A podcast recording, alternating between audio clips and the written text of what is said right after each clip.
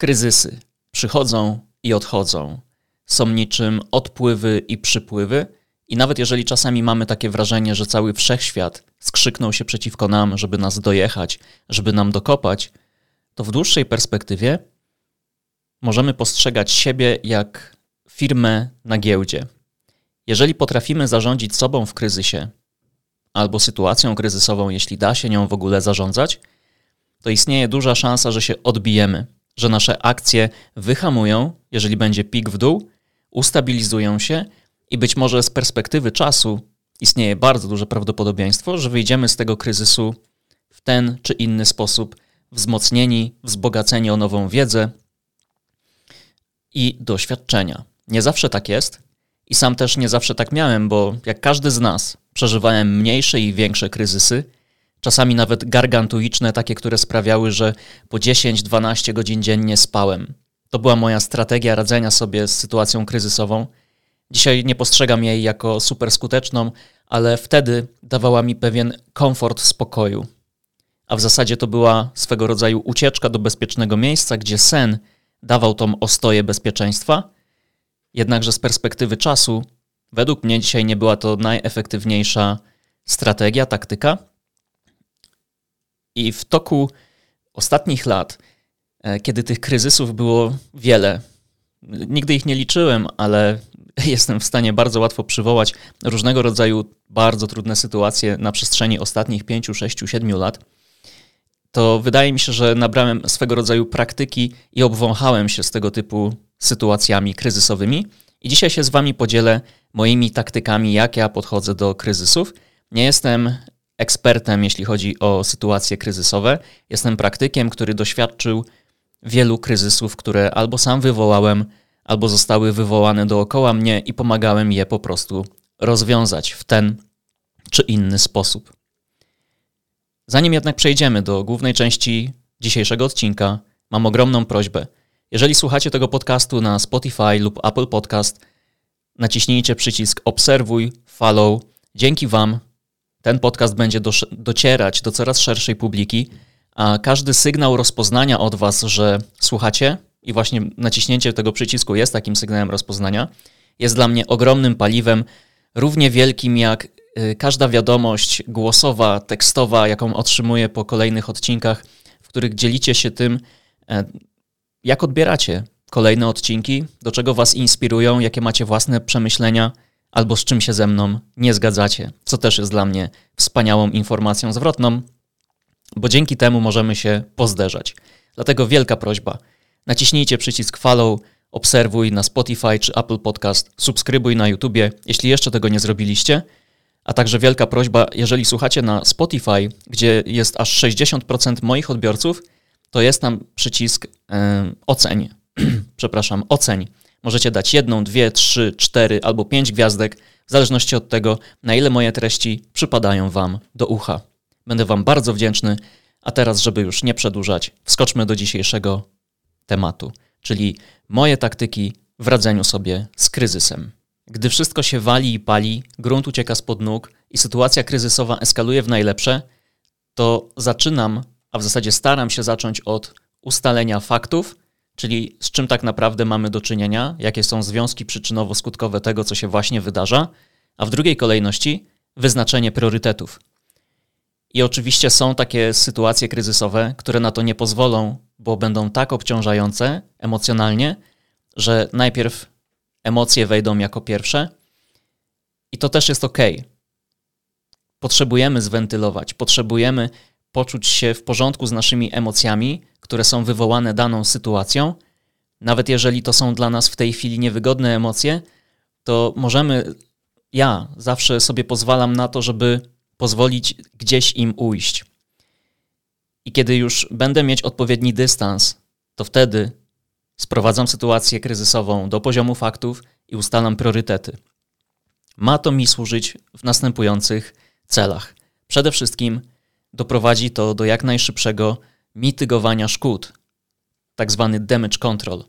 Jednocześnie nie szukamy samych przyczyn kryzysu, czyli E, jakie nasze zachowania, jakie nasze wadliwe procesy do tego doprowadziły, szukamy źródła, czyli momentu, miejsca, które generuje najwięcej szkód, po to, żeby móc w jakiś sposób je zaadresować, w jakiś sposób odpowiedzieć na to, co tam się wydarza i znaleźć możliwie prosty, szybki, a przede wszystkim skuteczny sposób na to, żeby jak najszybciej wdrożyć już jakieś środki zaradcze, przeprowadzić jakieś działania naprawcze. Po to, żeby poczuć się znowu podmiotem działań, a nie przedmiotem. Bo kiedy sytuacja kryzysowa zaczyna się rozkręcać w najlepsze, no to właśnie pojawia się to wrażenie, że wszystko się wali i się pali, nie mamy na nic wpływu i wtedy tracimy trakcję. Więc moim celem, kiedy dzieją się złe rzeczy dookoła mnie, dookoła ludzi, z którymi współpracuję, zastanawiam się nad tym, co możemy zrobić tu i teraz, żeby jak najszybciej tę trakcję odzyskać. Po to, żebyśmy znowu poczuli, że mamy wpływ, że posiadamy sprawczość na naszą rzeczywistość, nawet w najmniejszym wymiarze. I taką najprostszą kwestią, a w zasadzie najprostszym krokiem, jaki możemy podjąć, kiedy wiemy, że wydarzają się złe rzeczy, możemy zorganizować spotkanie kryzysowe, na którym wyznaczymy kolejne kroki. Jeżeli podejdziemy do spotkania zadaniowo, czyli będzie ono jednym z środków do tego, żeby zarządzić kryzysem i jak najszybciej doprowadzić do ustabilizowania sytuacji, to wychodząc ze spotkania z konkretnymi, małymi, atomowymi zadaniami, które względnie szybko będziemy w stanie wdrożyć i zmitygować szkody, to istnieje duża szansa na to, że poczujemy znowu sprawczość, którą kryzys mógł nam odebrać. Sytuacja kryzysowa mogła nam odebrać poczucie sprawczości. Człowiek potrzebuje czuć się podmiotem działań, a nie przedmiotem. Dlatego im szybciej doprowadzimy do powrotu tego, e, tego stanu, tego przekonania, że jesteśmy podmiotem działań, tym szybciej będziemy w stanie z kryzysem sobie skutecznie radzić i żebyśmy mogli to osiągnąć, potrzebujemy wyznaczyć priorytety na tu i teraz. O przyszłość e, możemy się zacząć martwić za chwilę, kiedy właśnie wróci nam poczucie podmiotowości, bo, bo tego najbardziej potrzebujemy w sytuacji, w której wszystko wybuchło dookoła nas i nie musimy się zastanawiać jeszcze nad przyszłością na przykład naszego zespołu, naszej firmy, e, jak będzie wyglądała po kryzysie.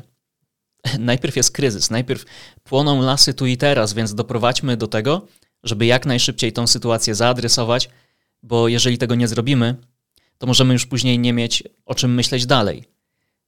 Oczywiście w takich ekstremalnych, już skrajnie trudnych sytuacjach.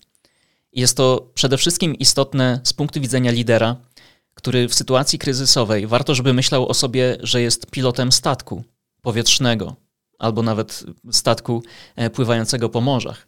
Pilot, kapitan jest to osoba, która z punktu widzenia załogi jest najbardziej kluczową częścią, bo e, to lider wyznacza kierunek, lider wyznacza emocje i ludzie przyjmują perspektywę lidera, o której za chwilę powiem.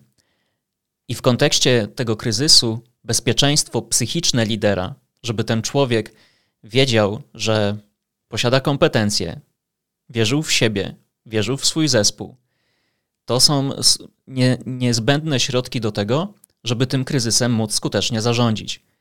I jako przykład 26 odcinek mojego podcastu, czyli sytuacja kryzysowa na pokładzie Apollo 13 i przemowa Gina Kranca do zespołu na przylądku Canaveral, w której to przemowie lider w decydujący, zero-jedynkowy sposób, czyli z poziomu faktów, wskazał swoich mm, zastępców, którym dał pełną autonomię działań.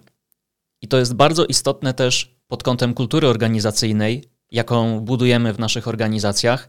Jeżeli ta kultura jest tworzona w oparciu o zaufanie, w oparciu o służebne przywództwo, w oparciu o, o transparentną, e, nie, powiedziałbym niekiedy, bo nie każdy lubi, ja lubię, więc bez niekiedy, o radykalną i szczerą komunikację, to w takiej trudnej sytuacji, kiedy lider powie: Słuchajcie, czeka nas zderzenie z planetą, to właśnie czekało ludzi na Apollo 13.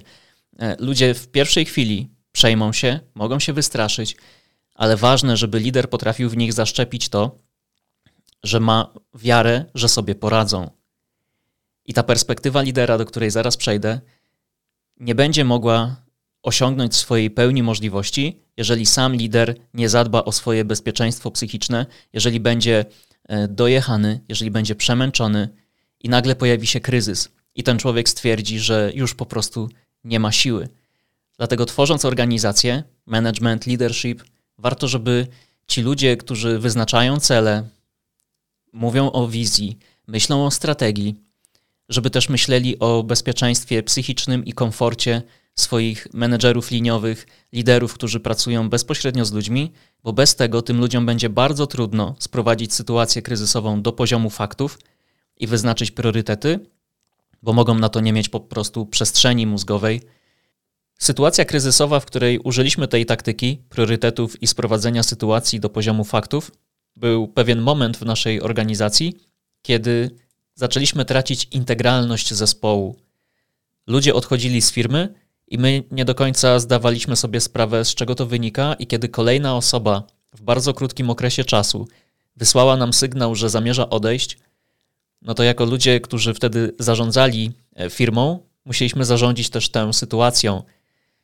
I odnosząc się do priorytetów i sprowadzania kryzysu, w zasadzie sytuacji kryzysowej do poziomu faktów, zastosowaliśmy następującą taktykę. Wszystkie tematy, które były dookoła, spadły ze stołka i na stołku posadziliśmy tę jedną sytuację, w której imperatywem, najważniejszym czynnikiem, wokół którego chcieliśmy się skupić i też skupiliśmy się, było zachowanie integralności zespołu, czyli zatrzymanie tej jednej osoby, bo to było dla nas bardzo istotne z punktu widzenia organizacji, żeby jednocześnie pokazać ludziom, że firma, pomimo tego, że było kilka odejść po drodze, nadal zachowuje integralność, nadal jesteśmy zespołem, nadal mamy trakcję. Zwołaliśmy spotkanie kryzysowe, na którym omówiliśmy sytuację, ustaliliśmy, co jest potencjalnie źródłem tego kryzysu tu i teraz i zaplanowaliśmy kolejne kroki, kolejne spotkania. Po kolejnych spotkaniach były kolejne kroki, kolejne rozmowy, wszystko osadzone na przestrzeni bardzo krótkiego czasu, zawsze z mini e, zadaniami atomowymi, które mogliśmy łatwo i szybko realizować, po to, że w kryzysie, kiedy on się wydarza tu i teraz, żeby poczuć tą podmiotowość z powrotem, musimy skreślać zadania z listy, musimy wiedzieć, że właśnie odnosimy małe zwycięstwa, bo to one pomogą nam utrzymać trakcję, odzyskać trakcję i adresować tą trudną sytuację, kryzys, który właśnie się tu i teraz wydarza. W momencie, kiedy jesteśmy w oku cyklonu, myślenie tu i teraz jest najważniejsze według mnie. Kiedy przyjdzie ta chwila wytchnienia, kiedy będziemy już wiedzieć, że najgorsze jest za nami, możemy zacząć myśleć o dalszych działaniach, o przyszłości. W sensie ja zaczynam myśleć o dalszych działaniach, o dalszej przyszłości, ale kiedy wydarzają się kryzysy tu i teraz, też jestem tu i teraz. Według pierwszej taktyki do kryzysu mieliśmy podchodzić z poziomu faktów, czyli możliwie obiektywnie. Jednakże w prawdziwym życiu trudno jest zachować obiektywizm, kiedy wszystko bierze w łeb. Dlatego perspektywa lidera jest wyjątkowo istotna, bo ludzie będą ją przyjmować w czasach kryzysu. Jeżeli lider będzie komunikować swoim zachowaniem, swoim podejściem, swoimi słowami, że czegoś się nie da zrobić, to ludzie bardzo łatwo przyjmą tę retorykę. Jednocześnie, jeżeli lider będzie akceptować to, że ludzie cały czas powtarzają, że w naszej sytuacji nic nie da się zrobić, no to lider sam też nic nie zrobi, nawet jeżeli ma bardzo dużą sprawczość i bardzo dużą determinację, bo prędzej niż później takiemu liderowi skończy się paliwo. I ostatnimi czasy nauczyłem się inaczej patrzeć na kwestie, e, na sytuacje, w których ktoś mówi: Nie da się tego zrobić. Nie zgadzam się z tego typu podejściem, że czegoś nie da się w naszej sytuacji zrobić. Co najwyżej w naszej sytuacji teraz jeszcze nie potrafimy tego zrobić i możemy spróbować dowiedzieć się, jak to zrobić. Wcześniej jednak ustalmy, czy w ogóle warto jest się tym zajmować. Bo może czas, który poświęcimy na naukę, na ustalanie, jak to zrobić, jak się tego nauczyć, będzie czasem straconym. Ale o tym że bardziej opłaca się mądrzej stać niż y, głupio biegać, mówiłem ostatnio i dzisiaj też jeszcze wskoczę do tego wątku. Podsumowując, Jeżeli lider będzie akceptować postawę w zespole, że nie da się nic zrobić w naszej sytuacji, to nic się nie da zrobić w naszej sytuacji. Zachęcam Was do myślenia o tym w innej kategorii. Jeżeli czegoś się nie da, to prawdopodobnie jeszcze tego nie potrafimy, tylko wcześniej ustalmy, na ile e, warto jest się w to angażować. Kolejna kwestia, jeśli chodzi o perspektywę lidera, a w zasadzie w bycie z ludźmi w czasie kryzysu, to tworzenie takiej świadomości w zespole, że szef, menedżer, przywódca, lider, nieważne jak nazwiemy tę osobę, ważne, żeby była na przysłowiowym skrzydle. I wspominałem w poprzednim odcinku o niewidzialnych liderach, takich, którzy pojawiają się w momentach, w których jest e, fajnie, w których wszystko się udaje, e, w których e, celebrujemy zwycięstwa, ale których nie ma, kiedy dzieją się złe rzeczy. Ludzie potrzebują wiedzieć, że jest ta osoba, kiedy dzieją się dobre rzeczy i kiedy dzieją się złe rzeczy, bo to, czego ludzie potrzebują w czasach kryzysu od lidera, to stabilności. Ludzie chcą wiedzieć, czego mogą się spodziewać po danej os osobie, a w zasadzie bardzo potrzebują wiedzieć, e, czego się spodziewać. I nawet jeżeli lider aktywnie nie działa na rzecz rozwiązania tego kryzysu, to warto, żeby ludzie wiedzieli, że mogą na przykład przyjść i porozmawiać z tą osobą. Albo jeżeli będzie naprawdę źle, to ten lider wesprze e, swoim działaniem, swoją radą, swoją wiedzą ludzi po to, e, żeby mogli sobie z daną sytuacją poradzić. Nie chodzi mi tutaj o to, żeby rozwiązywać problemy za naszych ludzi, bo wtedy będziemy pielęgnować ich e, niekompetencje w danym obszarze albo brak kompetencji w obszarze rozwiązywania problemów lub zarządzania sobą w sytuacji kryzysowej.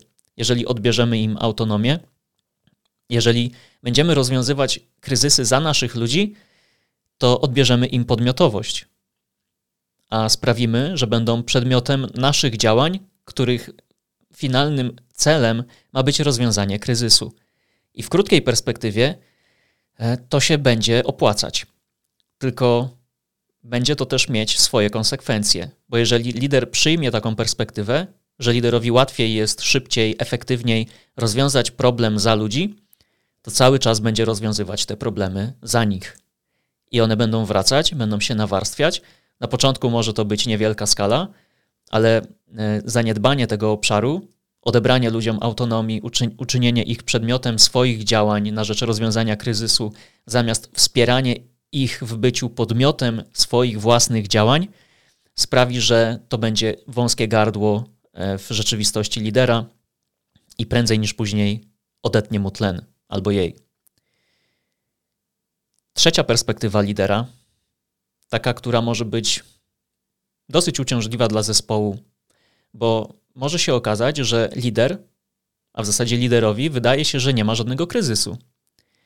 Może to być powodowane tym, że lider nie ma kompletu informacji na temat sytuacji lub nie chce mieć e, tego kontekstu, albo może to też wynikać z tego, że lider jest zbyt daleko od spraw swojego zespołu, siedzi gdzieś w jakiejś e, wieży z kości słoniowej i widzi tylko tą e, mlekiem i miodem krainę, a tam, gdzie panują mroki, gdzie jest ciemność, gdzie są kryzysy, to lider tam nawet nie zagląda, bo nie ma potrzeby, nie ma ochoty, lub e, lider stwierdza, że no, jesteście autonomicznym zespołem, poradzicie sobie.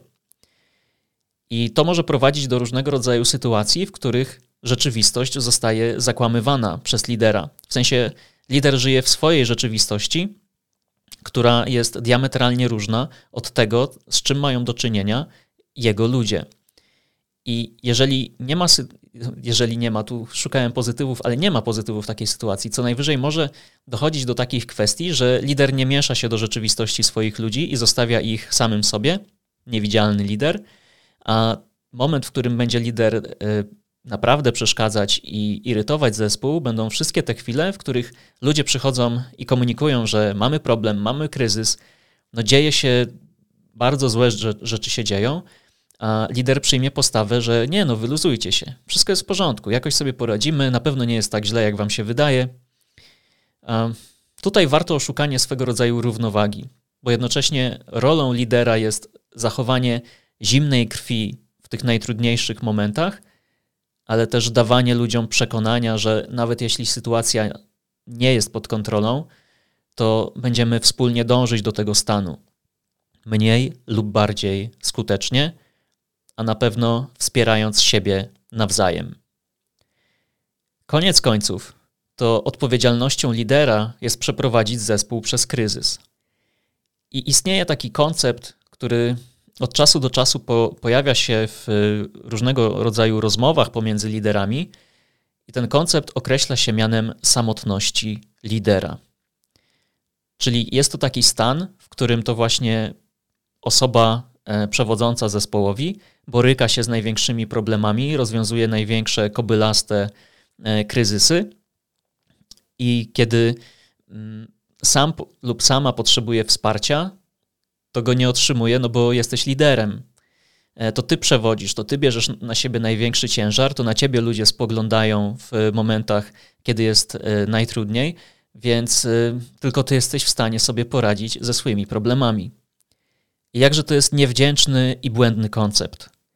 Jeżeli pracujesz w organizacji, w której są liderzy i na przykład masz swojego lidera, który pomaga ci, wspiera cię, to zastanów się, jak ty możesz wspierać i pomagać też liderowi. I zachęcam Was wszystkich do myślenia o organizacjach jak o kaczkach lecących w kluczu. Dlaczego? Kiedyś użyłem tego porównania, kiedy zapytano mnie, jak wyobrażasz sobie leadership w swojej firmie. I wtedy na to pytanie odpowiedziałem też pytaniem, czy wiesz, jak latają kaczki? Otóż kaczki latają kluczem, czy też w kluczu. Na początku leci lider i to on wyznacza kierunek, tempo e, i prowadzi, prowadzi stado naprzód. I kiedy lider się zmęczy, kiedy potrzebuje właśnie tego wsparcia, e, oparcia się o kogoś e, innego, o nawet rozmowę z kimś z zespołu, nawet o swoich własnych problemach, to w koncepcie kaczek inna kaczka zastępuje tę kaczkę, która leciała na, na przodzie na przodzie, na przodzie, na przodzie stada i przez jakiś czas je prowadzi. Po to, żeby lider mógł zająć pozycję trochę dalej, z tyłu. Nie zawsze lider musi być na świeczniku. Wręcz y, ja jestem za tym, żeby lider jak najrzadziej był, e, miał spotlight, żeby to ludzie e, świecili własnym światłem, a lider, żeby co najwyżej mógł się ogrzewać w ich blasku. To jest moja koncepcja, to wiem, że to nie jest e, każdemu tak bliskie jak mnie, na szczęście to jest mój program i mogę tutaj mówić e, do, dokładnie to, co ja chcę. Więc lider ogrzewa się w blasku e, swoich własnych ludzi, jeżeli ci pozwolą na to. Jeżeli zgodzą się na to, żeby e, wpuścić lidera do swojego kręgu bezpieczeństwa.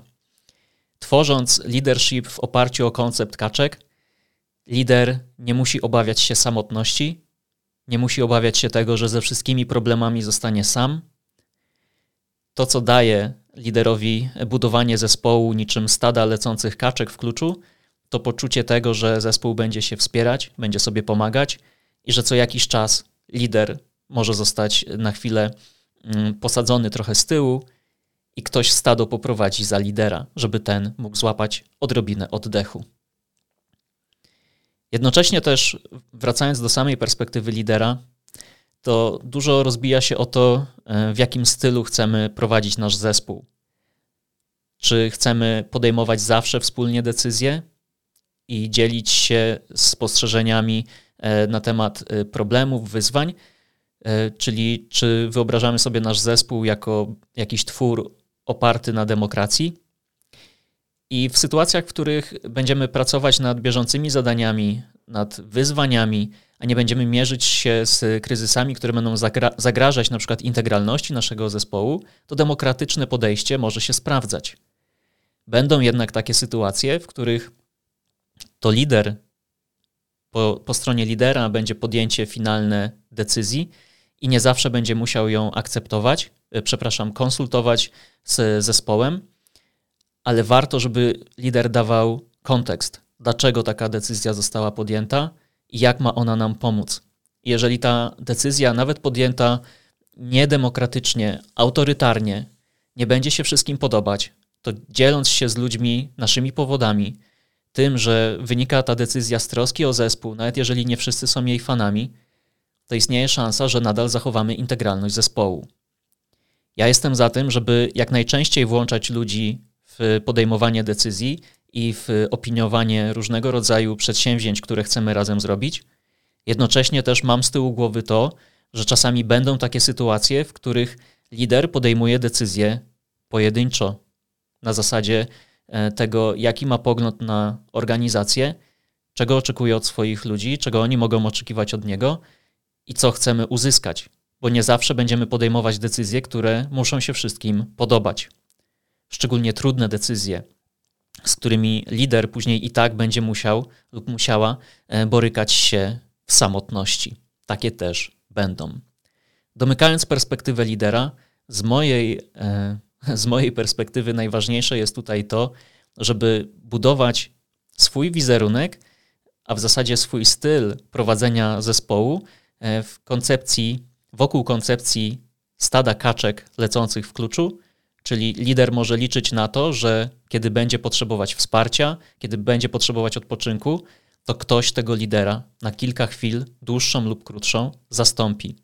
Jednocześnie też dla mnie jest niezmiernie istotne, żeby lider był zawsze na moim skrzydle, kiedy borykam się z sytuacją kryzysową i sam też staram się to dawać ludziom, z którymi współpracuję, jednocześnie nie rozwiązując za nich ich problemów, tylko wspierać ich w tym działaniu, po to, żeby ludzie nabywali umiejętności e, samodzielności i czuli się podmiotem swoich działań, a nie przedmiotem.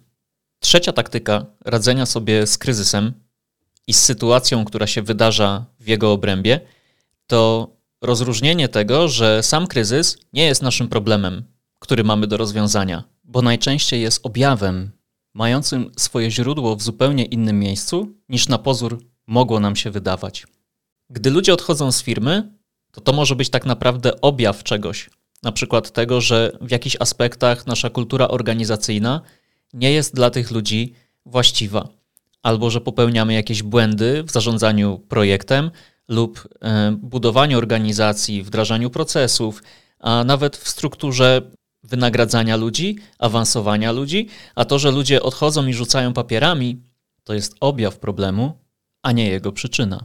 Prawdziwych przyczyn na początku nie zauważymy, bo będziemy tak bardzo skupieni na tym, co się dzieje przed naszymi oczami, a w momencie, kiedy mamy sytuację kryzysową, to szambo, szambo wybucha i na tym się skupiamy. Nie na tym, dlaczego do tego doszło. I w momencie, w którym spojrzymy na nasz kryzys z poziomu faktów i ustalimy, jakie są priorytety, i znajdziemy tą chwilę przestrzeni dla siebie na złapanie oddechu i przyjrzenie się całej sytuacji e, z dystansu, na pozbieranie kontekstów, zbadanie, co tak naprawdę się wydarza, to wtedy możemy zacząć się zastanawiać nad prawdziwą, faktyczną przyczyną kryzysu, zamiast e, doszukiwać się, nie, doszukiwać się tej przyczyny w objawach. Najważniejsze to, z czym mamy tak naprawdę do czynienia, to może być rozróżnienie tego, co jest problemem, co jest objawem, i jednocześnie zauważam w organizacjach taką ucieczkę od słowa problem. I, I wracamy trochę do zakłamywania rzeczywistości. Bo jeżeli każdy problem, jaki mamy w naszej firmie, będziemy nazywać wyzwaniem, bo to brzmi dużo bardziej optymistycznie, motywująco, ludzie wyczują ten bullshit bardzo szybko. Problem, trudność, wyzwanie to są trzy różne, trzy różne pojęcia, i zazwyczaj jest tak, że łatwiej nam jest mówić o problemach jako wyzwaniach, no bo jesteśmy taką mm, pozytywnie nastawioną do świata organizacją i ze wszystkim sobie poradzimy, nawet jeżeli za naszymi plecami wywaliło już wszystkie szamba. Więc, żeby to uwspólnić i wprowadzić na właściwy poziom definicji, czym jest problem, czym jest trudność, czym jest wyzwanie, przejdźmy przez to wspólnie, bo zachęcam Was do tego, żeby w firmach nazywać rzeczy po imieniu, właśnie z poziomu faktów, bo wtedy szybciej, łatwiej, efektywniej ustalimy, z czym tak naprawdę mamy do czynienia. I to jest niezmiernie istotne w przypadku rozwiązywania sytuacji kryzysowych. A zatem, co to jest problem? Problem to jest ta sytuacja, w której nie potrafimy czegoś zrobić, albo nie mamy środków, żeby coś zrobić, i to negatywnie wpływa na, na nas, na zespół czy na organizację. I dla przykładu, problemem jest sytuacja, w której nie potrafimy zrekrutować osoby do zespołu. Coś nas przed tym powstrzymuje, e, z jakichś powodów nie jesteśmy w stanie pójść naprzód, więc nauczmy się, dowiedzmy się, popełnijmy kilka błędów, żeby sprawdzić, co nam najlepiej zagra w tej sytuacji, a wcześniej ustalmy, czy w ogóle powinniśmy się zajmować tym problemem. Bo może jest to coś, co nie ma wpływu na organizację, a na, tylko nam się wydaje, że wpływa. Druga, druga definicja trudność. Trudność to jest coś, co wykonujemy, jakieś zadanie, ale nie osiągamy takiego poziomu efektywności, skuteczności, jaki byśmy oczekiwali. Na przykład trudno nam jest zrekrutować osobę do zespołu. Wprawdzie umawiamy spotkania, wprawdzie mamy kandydatów e, w lejku rekrutacyjnym, ale z jakichś powodów zamiast trzech osób ledwo co zatrudniliśmy jedną. Więc to jest nasza trudność. Nie potrafimy osiągnąć tego poziomu efektywności, który zakładaliśmy. Być może warto go zredefiniować, być może warto zobaczyć, w których aspektach jest nam najtrudniej i jak możemy sobie z nimi poradzić, a może nie warto ich robić. Jak słyszycie, e, co chwila po, podnoszę temat, że może warto z czegoś zrezygnować. Bo to jest taka pierwsza strategia, jeżeli mamy czegoś za dużo. Jeżeli mamy za dużo wątków, tematów, kryzysów, to może nie powinniśmy się wszystkim przejmować, tylko tym, co jest najważniejsze. Wracamy do pierwszej taktyki ustalania priorytetów. Więc problem, nie potrafimy czegoś zrobić, trudność, potrafimy coś robić, ale nie osiągamy takiego poziomu efektywności, jaki chcielibyśmy osiągnąć, wyzwanie, chcemy coś osiągnąć, co może przekraczać poza nasze możliwości lub poza nasze wyobrażenie, i jednocześnie mamy gotowość, żeby się z tym zmierzyć. Czyli wyzwaniem będzie to, że chcemy zrekrutować więcej osób niż pozwala nam, e, na, pozwalają nam na to e, nasze możliwości, na przykład rekrutacyjne, bo mamy za mało osób w rekrutacji, e, które się tym zajmują. Jednocześnie te osoby chcą podjąć się takiego wyzwania, czegoś ambitnego, czegoś trudnego, czegoś w cudzysłowie, ale może też nie, niemożliwego. To są wyzwania. I nie każdy problem będzie wyzwaniem, nie każda trudność będzie wyzwaniem, nie każde wyzwanie będzie jednym, drugim. Więc nazywanie rzeczy po imieniu, po to, żeby jak najszybciej dotrzeć do sedna tego, z czym tak naprawdę się mierzymy, jest zawsze pomocne w obliczu kryzysu. Wracam trochę też do zakłamywania rzeczywistości. Żebyśmy nie nazywali każdego kryzysu e, od razu, że to jest szansa. Ja wiem, że jest takie chińskie przysłowie, które mówi, że kryzys jest szansą, i często tak jest, ale w momencie, kiedy wszystko idzie nie tak, powtarzanie sobie, że o, wspaniale, że wydarza się kryzys, jest to dla nas jakaś szansa, ludzi to nie zmotywuje. Ludzie będą zmotywowani wtedy, kiedy ustalimy priorytety i krok po kroku będziemy dążyć do tego, żeby zaadresować tę sytuację, a potem, jak już stwierdzimy, że złapaliśmy oddech, że już wiemy, co tak naprawdę jest problemem i jak wyglądają objawy problemu, to wtedy szukajmy dopiero szans. Wszystko w odpowiedniej kolejności. Czas na czwartą taktykę. Taktykę, którą wyniosłem z lektury książki Małżeństwa Polko Rozgromić konkurencję. Sprawdzone w boju strategie dowodzenia, motywowania i zwyciężania. Jest tutaj rozdział poświęcony sytuacjom kryzysowym. Z tego rozdziału na przestrzeni ostatnich lat, bo tę książkę czytałem w 2015 roku, gdy sam mierzyłem się z, kryzys, z kryzysem gargantuicznym właśnie, takim, który sprawiał, że potrzebowałem spać po 10-12 godzin. I w rozgromić konkurencję jest taka teza, z którą się mocno zgadzam, że najgorsze, co możemy robić w czasie kryzysu, to nic nie robić. I żebyśmy się dobrze zrozumieli, bo ja jestem wielkim fanem tego porzekadła, że lepiej jest mądrze stać niż głupio biegać. Tylko miejmy na uwadze to, że stanie nie musi oznaczać biernej postawy, to mogą być różnego rodzaju działania, których tu i teraz nie będzie jeszcze widać, a będą nam przynosić korzyść w długofalowej perspektywie. Bo działaniem może być z jednej strony aktywne rozwiązywanie sytuacji, czyli przechodzimy do boju, już coś robimy, organizujemy spotkania, realizujemy zadania, e, działamy jednym słowem, jednocześnie tym aktywnym rozwiązywaniem sytuacji może też być na przykład gromadzenie danych, dążenie do zrozumienia tego, z czym się właśnie mierzymy, tylko pamiętajmy o właściwej kolejności, że w momencie, w którym wszystko płonie i wszystko się wali, coś robimy. Coś jest tu oczywiście e, w dużym nawiasie, bo chodzi o to, żeby uniknąć tych wszystkich działań, które wejdą w kategorię głupiego biegania, czyli zaczną nam efekty tych działań, zaczną nam przeszkadzać w rozwiązywaniu kryzysu, bo na przykład zaczniemy prowadzić chaotyczną komunikację, bo na przykład nie ustalimy, kto się czym konkretnie zajmuje. A z drugiej strony, niepodejmowanie aktywnego działania, kiedy wszystko się wali i pali, może skutkować tym, co mówiłem w poprzednim odcinku, czyli że jako management, liderzy stracimy inicjatywę. Przejmą ją nasi ludzie w sposób, w który będzie dla nich krzywdzący, bo na przykład zaczną prowadzić pomiędzy sobą różnego rodzaju kuluarowe rozmowy, z których e, będzie szerzyć się dezinformacja.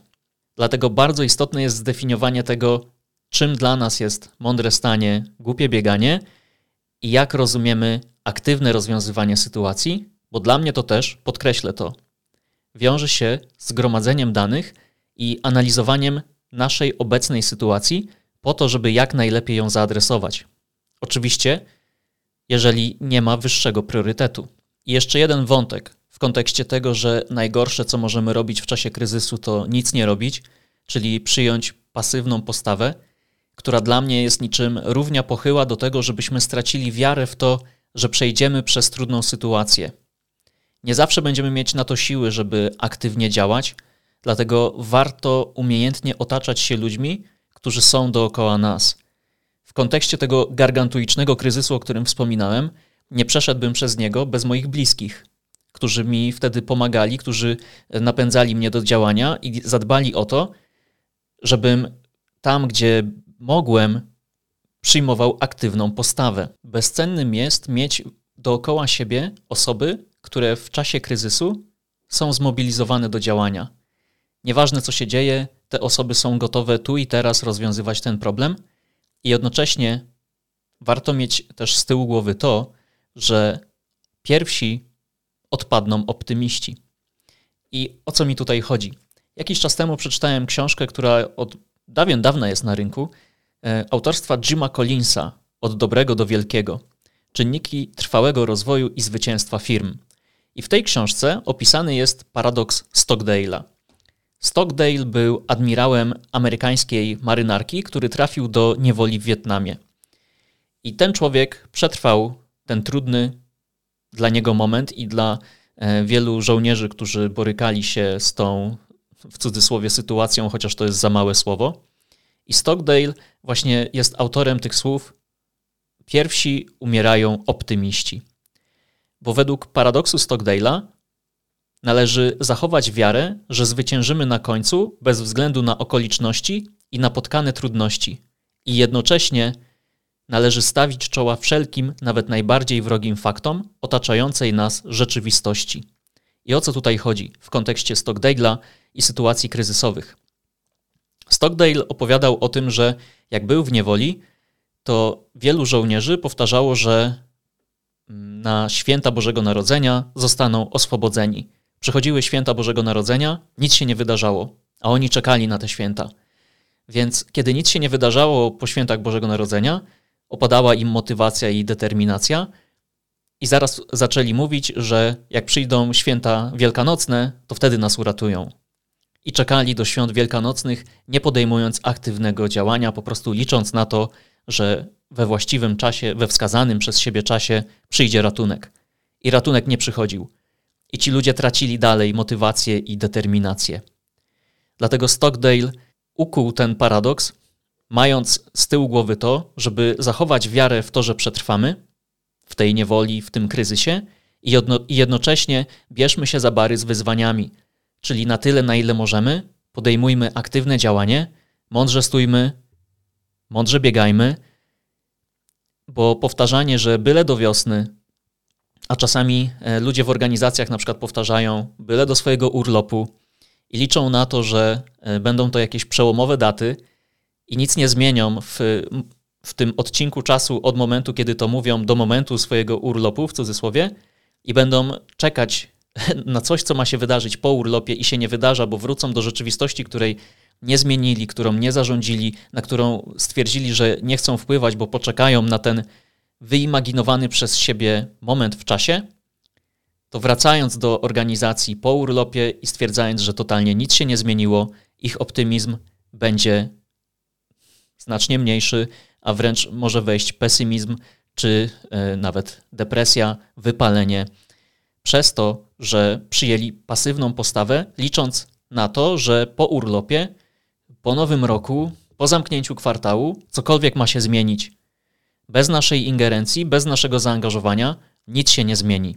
Cytując generała Romana Polko, najgorszą rzeczą, jaką możemy zrobić w obliczu kryzysu, jest bierne czekanie, aż kryzys minie, albo jak przyjdzie urlop. Czas na ostatnią taktykę, która jest szczególnie istotna w rozproszonych zespołach, jednakże nie jest to imperatyw ani coś wykluczającego ludzi współpracujących ze sobą na przykład w biurze, bo prawdopodobnie zarówno w jednym modelu współpracy, remote, jak i w drugim, czyli stacjonarny, będzie dochodzić do różnego rodzaju rozjazdów komunikacyjnych.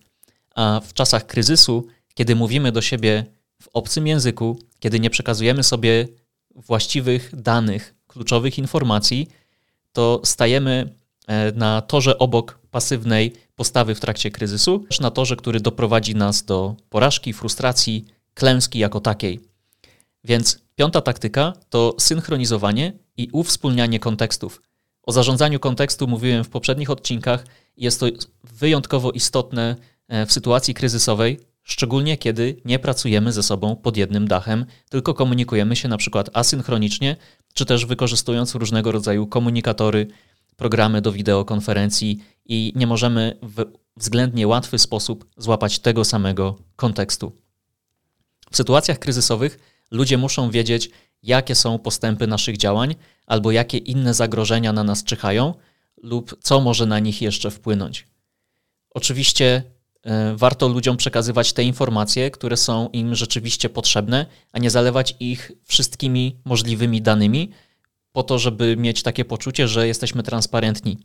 W czasach kryzysu warto myśleć o tej koncepcji translucent, czyli patrz, jakbyście patrzyli w toń jeziora. Mówiłem o tym w jednym z poprzednich odcinków odnośnie kontekstu, że to, co jest w głębi, niekoniecznie jest potrzebne zespołowi do tego, żeby sobie radzić na swoim poziomie e, morza z tymi problemami, z którymi sobie w danej chwili mają poradzić, czy z tym kryzysem.